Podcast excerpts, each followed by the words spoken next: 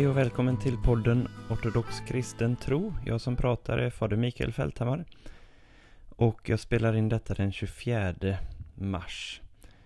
Och det betyder att imorgon så är det Jungfru Marie bebådelsedag. Ni vet den där stora festen på kyrkoåret då vi firar att ärkeängeln Gabriel kom till Jungfru Maria och berättade för henne att eh, hon ska bli havande och föda Gud. Föda Jesus Kristus. Och eh, ja, det är en fantastisk fest. Den är så pass stor att den kallas för den andra påsken eftersom eh, det Kristi frälsande död och uppståndelse blev möjlig på grund av att han hade fått en mänsklig kropp av jungfru Maria. Och eh, jag försöker att inte vara särskilt polemisk i den här podden. Utan försöker att lyfta fram eh, Eh, det som är positivt ut, utifrån en ortodox tradition. Men nu så har jag anledning att vara lite polemisk. Det är nämligen så att inför den här festen så läste jag en krönika, eller en, eh, vad kallades det nu igen? reflektion, helgreflektion eller något sånt där i kyrkans tidning av en präst. Och eh, tanken var att denna prästen skulle belysa eh, den här högtiden, bebådelsen. Och det var verkligen en märklig krönika. Jag ska inte rekommendera er att gå och läsa den för att den var totalt frånkopplad både traditionens bild av Maria men också eh, Bibelns bild av Maria. Det är ju en svenskkyrklig präst som hade skrivit detta. Och den här författaren struntade helt i evangeliets vittnesbörd om bebådelsen och struntade helt i traditionen kring eh, Gudsmoder Maria och bara tömde Maria på allt som kyrkan vittnar om henne och skriften vittnar om henne och fyllde istället henne med vad han ville. Han såg i princip Eh, en spegelbild av sin egen ideologi i henne. Han tog bort kyrkans Maria som kyrkan har vördat i alla tider och gjorde om henne till vad han ville själv. Och Det är väldigt tråkigt. Jag vet att det finns många svenskkyrkliga präster och andra slags protestanter för den delen också som har en djup vördnad, stor respekt för Maria. Precis som ju Luther ska ha haft. Och därför är det extra tragiskt att se ett sånt här exempel på total eh, orespekt. Han eh, gjorde henne till en politiskt korrekt eh, budbärare för allt som är gångbart i våra tider. Och den krönikan fick mig att tänka på en annan bild som jag har sett i ett annat protestantiskt sammanhang av Maria. Jag vet inte om ni som lyssnar känner igen eh, sådana här t-shirtar som man kan köpa med lite popvänstermotiv på. En slags eh, svartvit bild av Che Guevara eller Karl Marx för den delen. Eller någon sån där och så står det något häftigt citat eller någonting. Eh, den typen av popkonst kan man säga. Eh, var det någon som hade gjort en bild av eh, jungfrun. Där hon eh, står och trampar på ormen och höjer en eh, stridens näve i luften. Precis som man skulle kunna tänka sig Che Guevara. Och det är också ett eh, sätt att Eh, ta bort Maria från den heliga traditionen och göra henne till den man vill att hon ska vara. Enligt de eh, ideologier och, eh, som man har just nu, som man tycker är bra och gångbara just nu. Och Maria är en eh, person som förvisso trampar på ormens eh, huvud och liksom segrar genom sin lydnad till Gud och sin ödmjukhet. Men den där bilden förmedlar snarare en slags marxistisk kamp mot någonting. Eh, vilket inte, det är, det är inte genom en sådan kamp och polarisering som Guds moder är en härskarinna och en segrare, utan det är just genom hennes ödmjukhet och hennes lydnad inför Gud. Det är så hon segrar. Genom mildhet och ödmjukhet. Inte, inte mjäkighet och mesighet. De sakerna är inte samma sak. Mildhet och mjäkighet. Och mesighet och ödmjukhet. Det är inte samma sak. Men den som är ödmjuk och den som är mild, den har axlat Kristi milda ok. Den bär sitt kors och följer Kristus. Och det är allt annat än mesigt och mjäkigt. Det är modigt och det är starkt och det kostar allt. Nåväl, det här är två exempel på eh, missbruk av Maria där man tar henne och kastar bort allt som skriften, traditionen, alltså den heliga kyrkan lär om Maria och fyller henne med vad man nu vill. Och det är kanske inte så konstigt att den där grejen händer i vissa protestantiska sammanhang. Därför att jag har också hört karikatyrer av protestantiska förhållningssätt till Guds moder Maria. Där man i princip betraktar henne som ett rör genom vilket eh, sonen kunde bli människa. Och sen så kunde man liksom kasta bort det där röret, Maria. Hon var inte särskilt viktig längre. Och då blir det kanske inte så konstigt att man kan ta henne och göra vad man vill av henne. Hur som helst, med detta som en liten introduktion så tänkte jag att jag skulle ge en eh, ortodox bild av Guds moder Maria och eh, framförallt i hur hon eh, framkommer i bebådelsens stora och högtidliga fest. Och eh, då ska jag kolla delvis på skriftläsningarna som vi har. Jag ska kolla på liturgiernas hymner, alltså hymnografin i stort. Jag ska nä eh, nämna någonting om ikonografin och på så vis hoppas jag att lyssnaren kan få en fin och sund eh, traditionell, alltså i bemärkelsen från kyrkans heliga tradition, en bra bild av Maria därifrån. Kanske är det bäst att börja i skriftläsningarna. Så har vi det som en god grund att stå på när vi pratar om det andra sen. Och då kan vi börja med bebådelsens själva huvudtext och det är evangelieläsningen i den gudomliga liturgin, alltså i eh, själva eh, bebådelsedagens huvudgudstjänst. Och då är det hämtat från Lukas evangeliet, första kapitel, vers 24 till 38. Och det som står att läsa där är helt enkelt när ärkeängeln Gabriel kommer till jungfru Maria. Och berättar för henne att eh, hon ska bli havande och, och hon har funnit nåd, hon ska föda Guds son.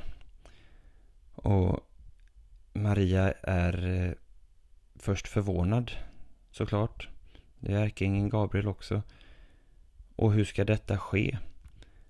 Och ärkeängeln Gabriel säger att eh, den helige ande ska komma över dig och kraft från höjden ska vila över dig. Och på så vis ska du bli havande. Och eh, då svarar jungfru Maria Må det ske med mig som du har sagt.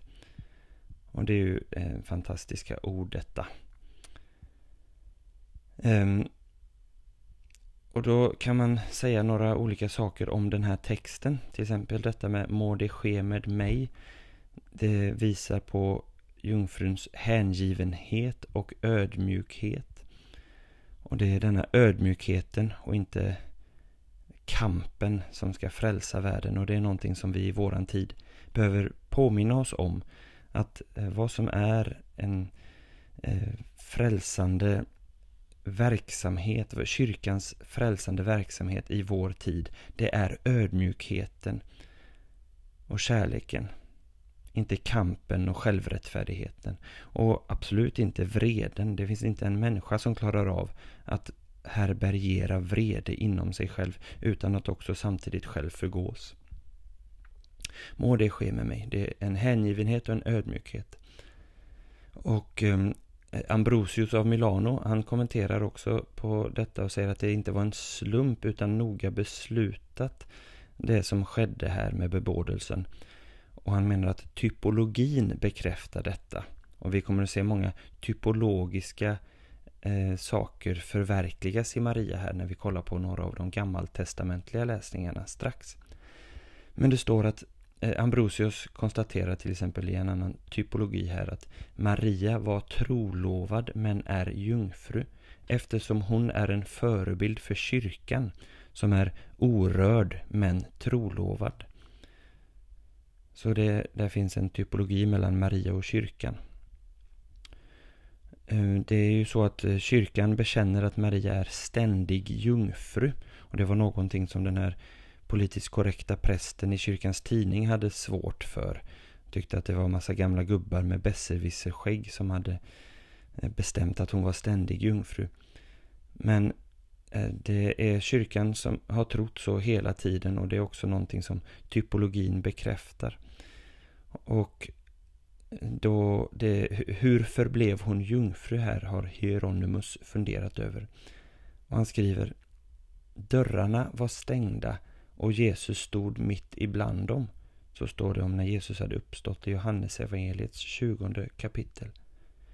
Och då skriver Hieronymus Samma Guds kraft bevarade henne som jungfru. Så eh, ingenting är givetvis omöjligt för Gud. Um, Leo den store, han skriver att för var och en som döps är dopets vatten som jungfruns sköte. Ty samma helige ande som uppfyllde jungfrun uppfyller dopfunten, så att synden som den heliga avlelsen kastade ut också försvinner genom detta reningsbad. Och ett av de finaste citaten om den här texten om bebådelsen. Det kommer från den helige Ireneus av Lyon. Han som var lärjunge till Polycarpus, som var lärjunge till Johannes evangelisten. Och denna Ireneus han skriver så här. Ty Eva förleddes av en ängels ord att fly från Gud efter att ha gjort uppror mot hans ord.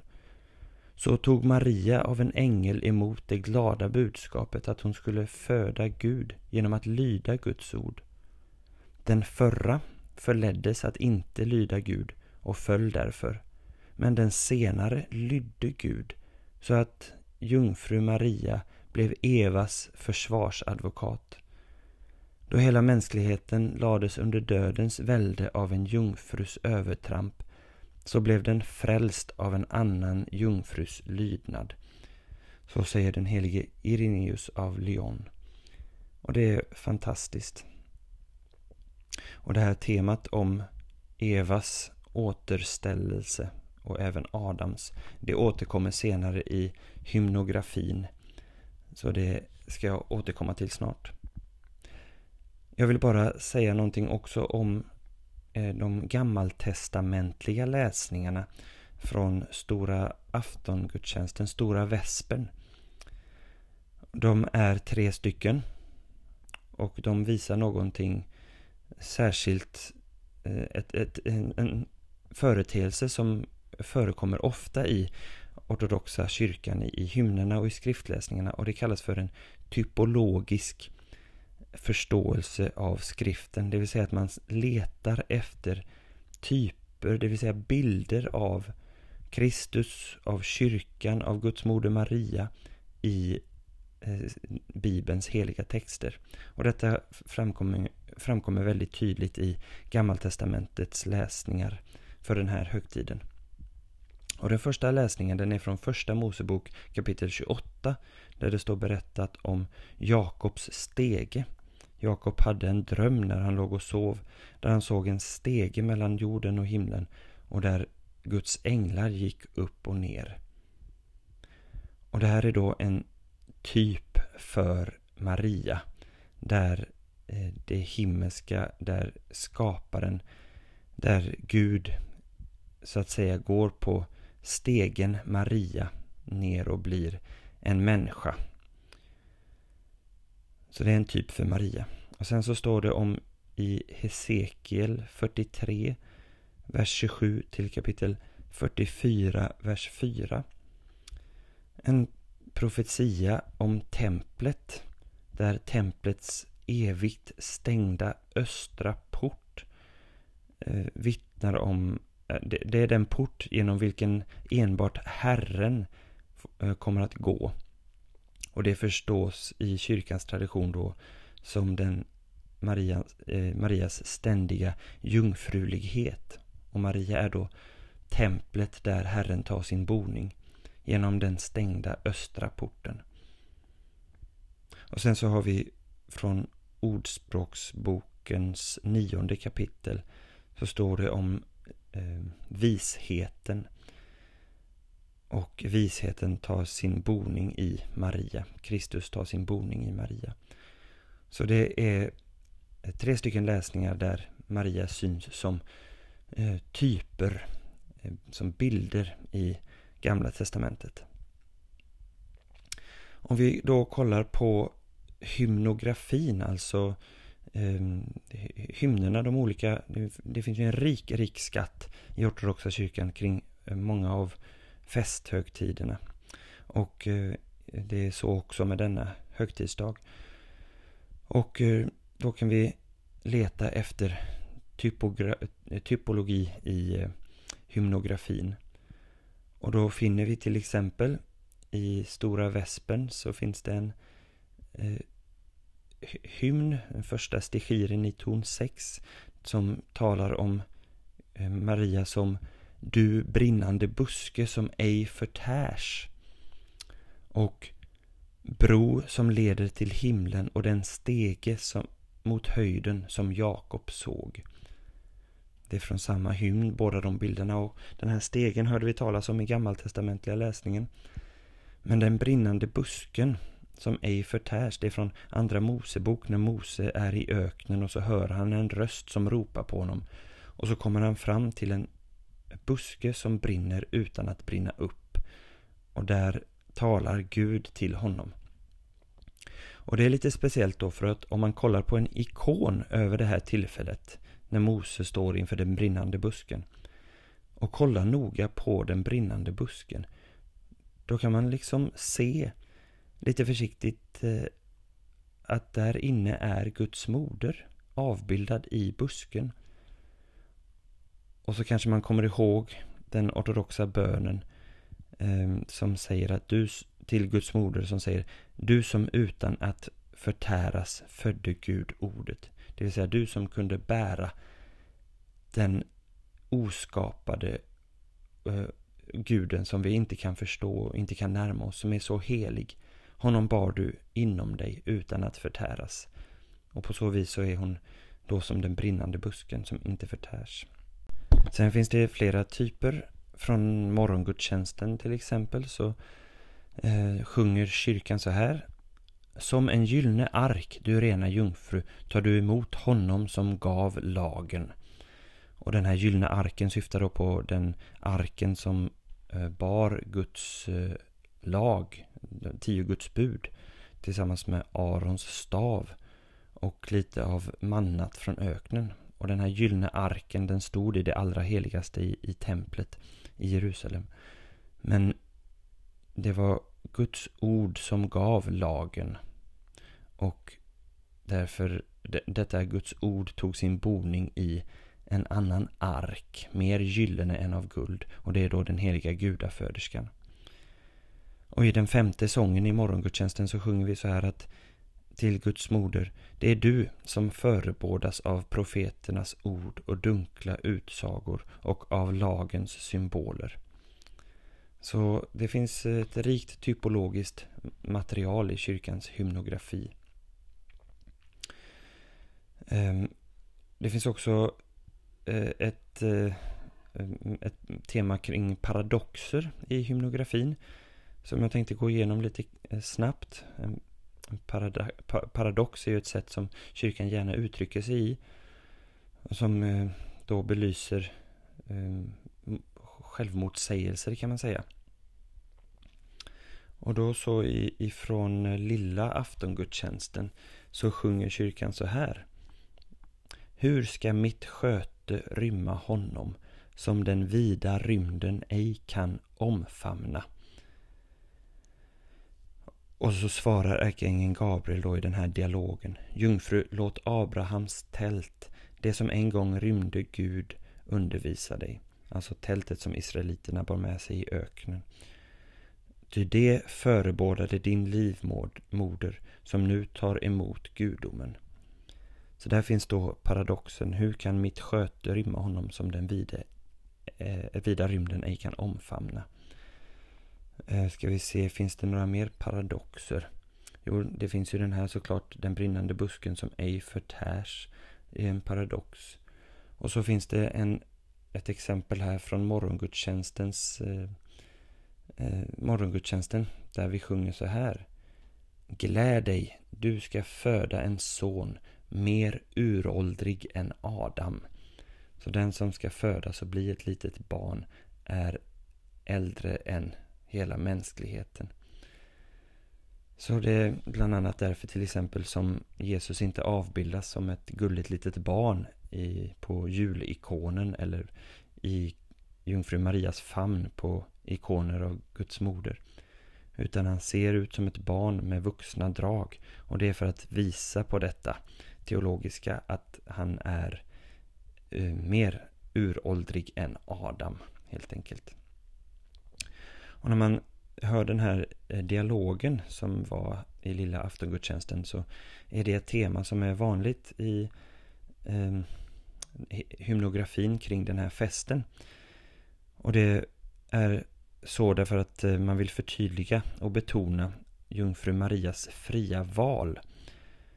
Ehm, då kommer i den här dialogen som hymnerna är, då kommer hennes skepsis och nyfikenhet fram.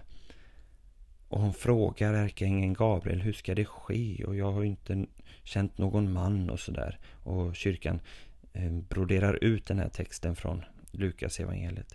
Och det är för att hennes frivilliga Må det ske med mig som du har sagt.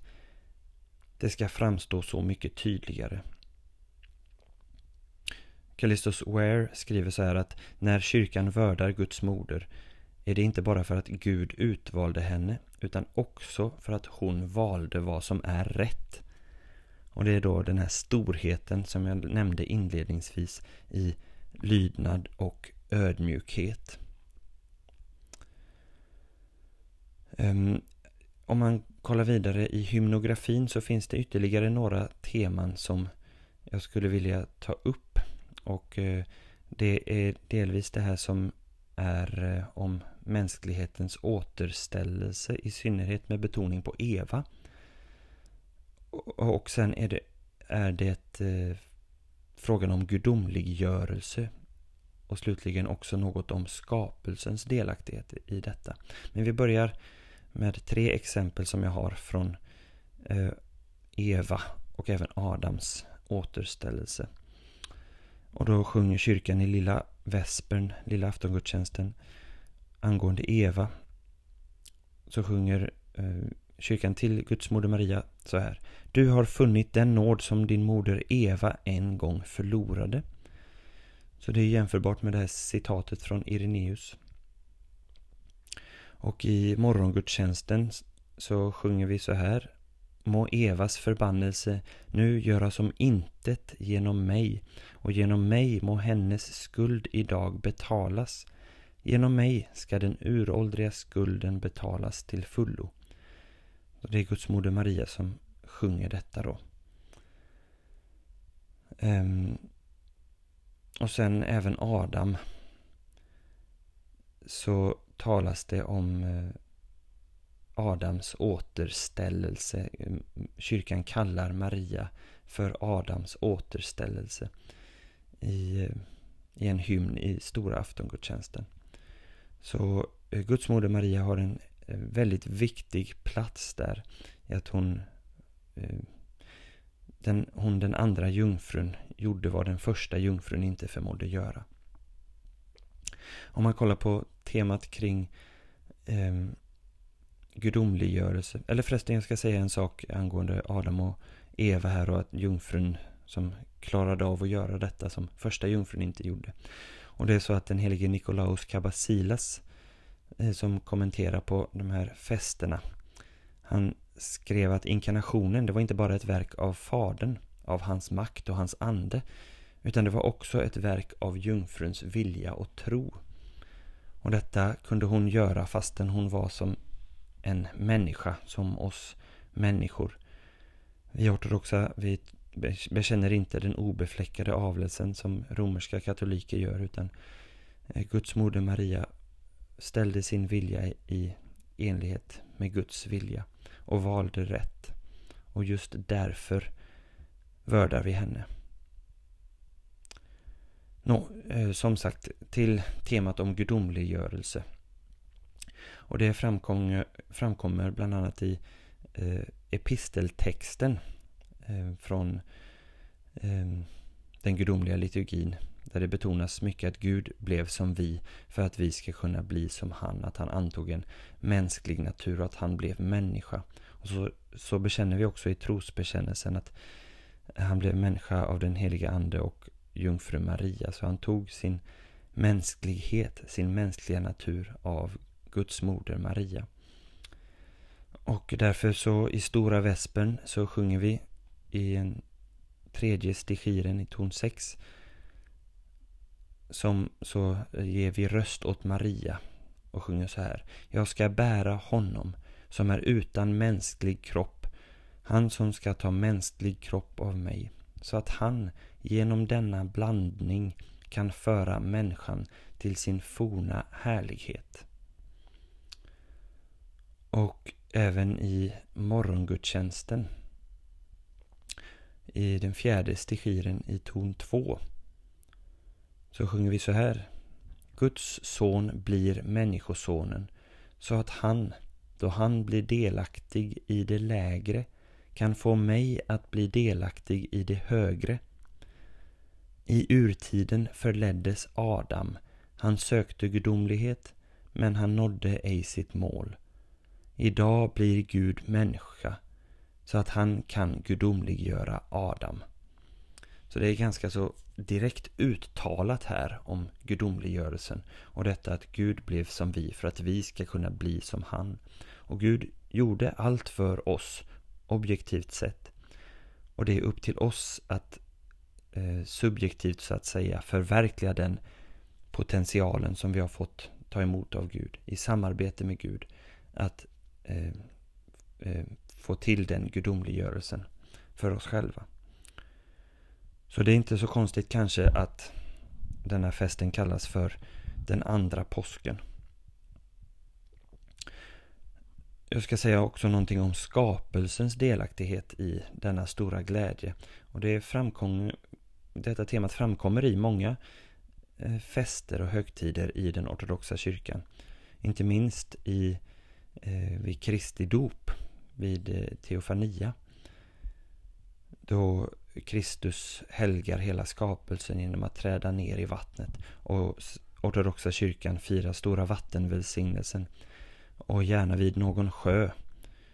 Och vi vet ju hur viktigt vatten är för hela skapelsen. Så när vi helgar vattnet då helgar vi hela skapelsen. Men skapelsens delaktighet syns i hymnografin här. Så i, i vigilians stora aftongudstjänst så talas det om detta. Då sjunger vi i en apostika, ton 4, så här. Jungfrun tar emot glädje och det jordiska blir himmelskt. Jorden befrias från den uråldriga förbannelsen. Må skapelsen fröjdas övermåttan och höja sin röst i sång. Herre, vår skapare och återlösare, ära vare dig. Och det där är ju en fantastisk hymn alltså. Den påminner om det här stället i Romarbrevet där det står att skapelsen liksom suckar och våndas och väntar på människornas återlösning. För med människans återlösning så kommer också skapelsens återlösning. Men ortodoxa kyrkan ger till och med skapelsen en egen röst här. Och, och låter skapelsen säga Herre vår skapare och återlösare, ära vare dig. Så det är ju fantastiskt. Och även i morgongudstjänsten så finns det i den fjärde stichiren, ton 2, en liten notis där om där vi sjunger att må skapelsen glädja sig och naturen fröjda sig. Så eh, även skapelsen har del i frälsningen och själva huvudhymnen för den här festen, tropariet i ton 4. Då sjunger kyrkan att idag är frälsningens början. Guds son blir jungfruns son. Och det är detta tema då, den lilla påsken eller den andra påsken.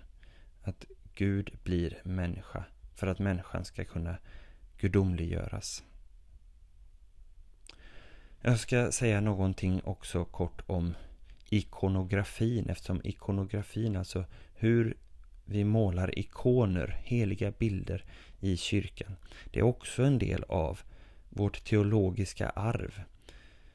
Alltså vi har skriften, vi har hymnografin och vi har ikonografin. Och vi har lite andra källor också till vår teologi. Men om man kollar på ikonen över den här högtiden då ser man eh, i bakgrunden ser det ut som några hus som står där och eh, så har vi Guds moder till höger. Antingen står hon upp eller så sitter hon på något som liknar en tron. Och eh, så har vi ärkeängeln Gabriel till vänster. Ofta med vingarna lite hipp som happ uppåt och neråt. Och i, Eh, med sandaler på fötterna och båda de här vingarna och sandalerna det visar att han är, kommer i all hast.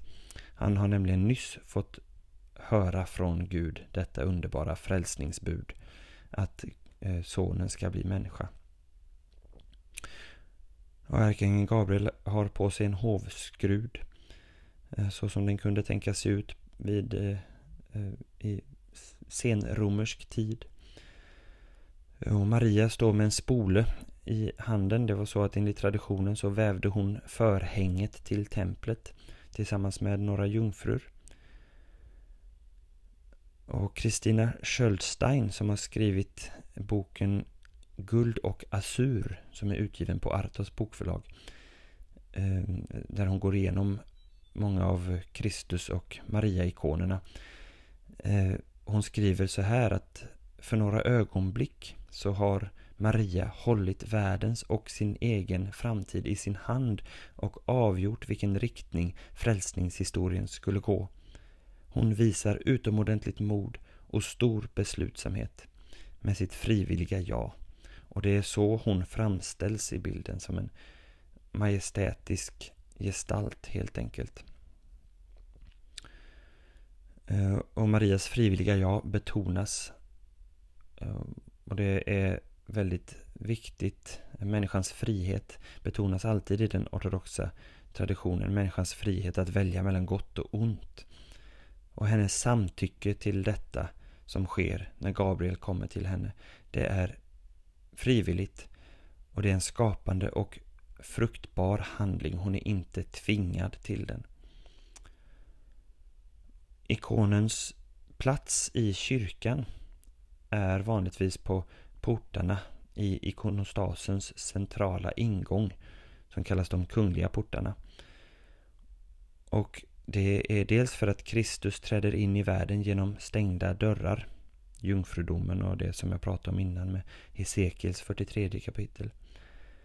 Och det är dels för att bebådelsen är frälsningens början. Så, och det är ju genom de Eh, mittersta portarna i ikonostasen som prästen och diakonen bär ut Kristi kropp och blod i nattvardens sakrament. Så det är lite grann om den här festhögtiden.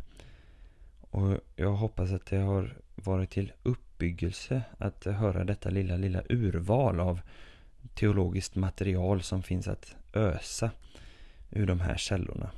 Och det är rena och sunda och friska källor som ortodoxa kyrkan öser ur när hon talar om Guds moder Maria och när hon talar om Kristus och Gud, om hur man blir helig, om hur man blir gudomliggjord. Vi har bevarat det som apostlarna tog emot och som martyrerna led och dog för oss, som de heliga fäderna försvarade.